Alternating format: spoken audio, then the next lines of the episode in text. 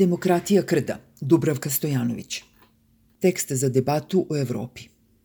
Medicina ima probleme da razotkrije sve tajne i mehanizme koronavirusa. Za razliku od toga, koronavirus je u potpunosti razotkrio tajne i mehanizme na kojima počivaju mnogi režimi. Odigrao je neku vrstu blow-upa, pojavio se kao uvećanje svega što već dugo gledamo, ali ne želimo da vidimo.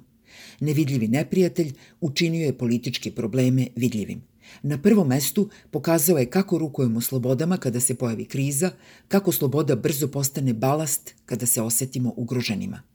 Pandemija je pokazala koliko su međusobno bliski na izgled udaljeni režimi i to upravo oni utemeljeni u fantaziji o sobstvenoj jedinstvenosti i neponovljivosti.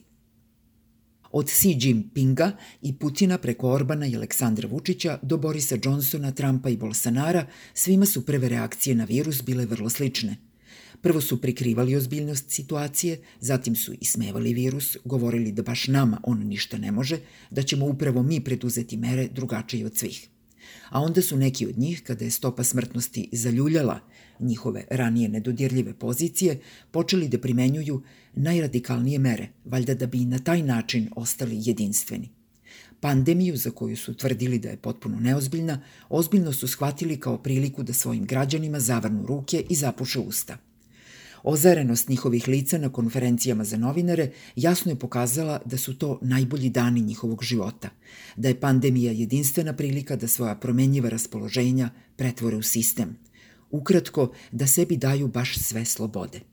U toj takmičarskoj disciplini Viktor Orban je privukao pažnju, veliku pažnju evropske javnosti, ali je vladalac moje zemlje Srbije, Aleksandar Vučić, prošao ispod radara – Prvih dana pandemije Vučić je, smejući se, stajao iza lekara koji su tvrdili da se radi o najsmešnijem virusu na svetu koji postoji samo na Facebooku i pozivali srpske žene da navale u Milano jer će u lockdownu cipele pojeftiniti.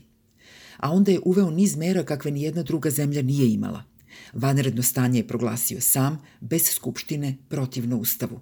Na ulice izašla vojska s dugim cevima – Nametnuta je potpuna zabrana kretanja za ljude starije od 65 godina. Uveden je svakodnevni policijski čas u trajanju od 12 sati, od 17 do 5 ujutru.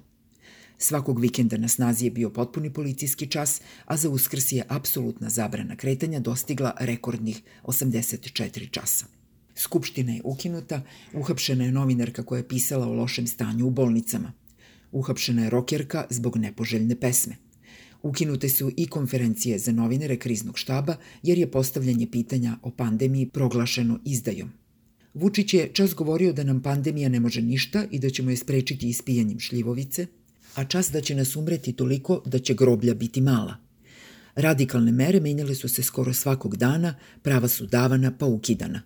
Provladini tabloidi spremno su krenuli da šire lažne vesti i teorije zavere koje su rušile ono što je saopštavao krizni štab – Sve se činilo da bi se građani potpuno izludeli i u opštoj nesigurnosti osetili još veću potrebu za vođom i njegovim snažnim stiskom.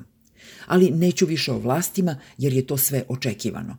Ono o čemu hoću da govorim je kako su građani rukovali svojim slobodama. U većini zemalja upadljivo je porastao rejting vlasti onih koje su vodile razumne i efikasne antipandemijske mere, ali i onih koje su zloupotrebile priliku i suspendovale slobode građana uz rekordno visoke stope obolelih i umrlih. Ljudi su se zbili oko vođa, brže bolje su svoje slobode predali onima koji bolje od njih samih znaju šta s njima da urade – Zbijanje zajednice se pojavilo kao instinkt, pa su i opozicione stranke, bar u Srbiji, zaboravile svoje dužnosti i obaveze prema građanima, izjavivši da nije trenutak da se govori o politici. Zanimljivo je bilo i to kojom su brzinom mnogi građani svoje ponašanje prilagodili vanrednim prilikama. Mnogima je prijala ova šansa da nasilje s vrha države spuste i do naše male radnje na uglu. Čim su se napravili redovi ispred prodavnica, pojavili su se i samozvani kapoji, koji su glasno pokazivali zgrabljenu moć, vikali, naređivali, zastrašivali. Ne zbog reda, nego iz čistog zadovoljstva. Samo prozvali su se i oni koji su upirali prstom na starije od 65 godina, izbacivali ih iz radnji, terali kući. Policija u svojim izveštajima saopštavala da su skoro sve starije od 65 koji su kršili zabranu kretanja prijavile njihove komšije. Zvuči poznato. Uporedo s tim svakodnevnim trotoarskim fašizmom imali smo i na izgled potpuno suprotnu pojavu. Vratimo se globalnom planu. Odmah po ublažavanju mera na mnogim mestima došlo je gotovo do razuzdanog ponašanja građana. Nagurali su se u kafiće, parkove i plaže kao da opasnosti nikada nije bilo i kao da i dalje nije tu. U kršenju mera na tajnim žurkama uhvaćeni su i bosanski političari i nemački policajci, građani Grčke su dupke prepunili tek otvorene plaže.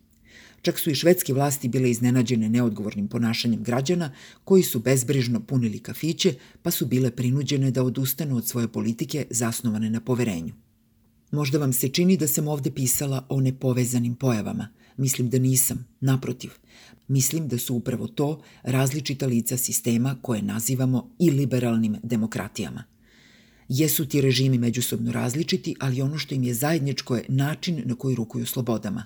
I baš na toj tački su se poklopili i vlasti građani. Distribucija moći od ozgo na dole išla je velikom brzinom. Ukidanje institucija građani su obgrlili kao sobstveno oslobađanje od odgovornosti. Nepoštovanje zakona od strane vlasti razumeli su kao mig da su ukinute sve stege – Oduzimanje sloboda građani su videli kao priliku da i oni sebi mogu da prisvoje ono što od sloboda ostane i da s tim urade šta god žele. Suspendovanje svih regulacija od strane vlasti građani su razumeli kao slobodu da ne vode računa ni jedni o drugima. I jedni i drugi su od slobode odlomili parče koje im je u tom trenutku trebalo, potrošili ga pa bacili kad dosadi. Označili su neprijatelja, Kinu, Soroša, jevreje, migrante, 5G, Bila Gatesa, koji je kriv za zarazu, pa svom silinom krenuli u obračun do poželjnog istrbljenja. Pozivali se na nauku kad zatreba i smevali je kad nije išla u prilog. Uništavali svaki autoritet, sve dovodili u pitanje, širili i proizvodili apsolutnu sumnju da bi se uništilo poverenje, zajedništvo, solidarnost. Prihvatajući tu igru, i građani su doprineli udrobljavanju društva, proizvodnji uplašenih i nesigurnih pojedinaca koji žude za nekim ko će lupiti rukom o sto.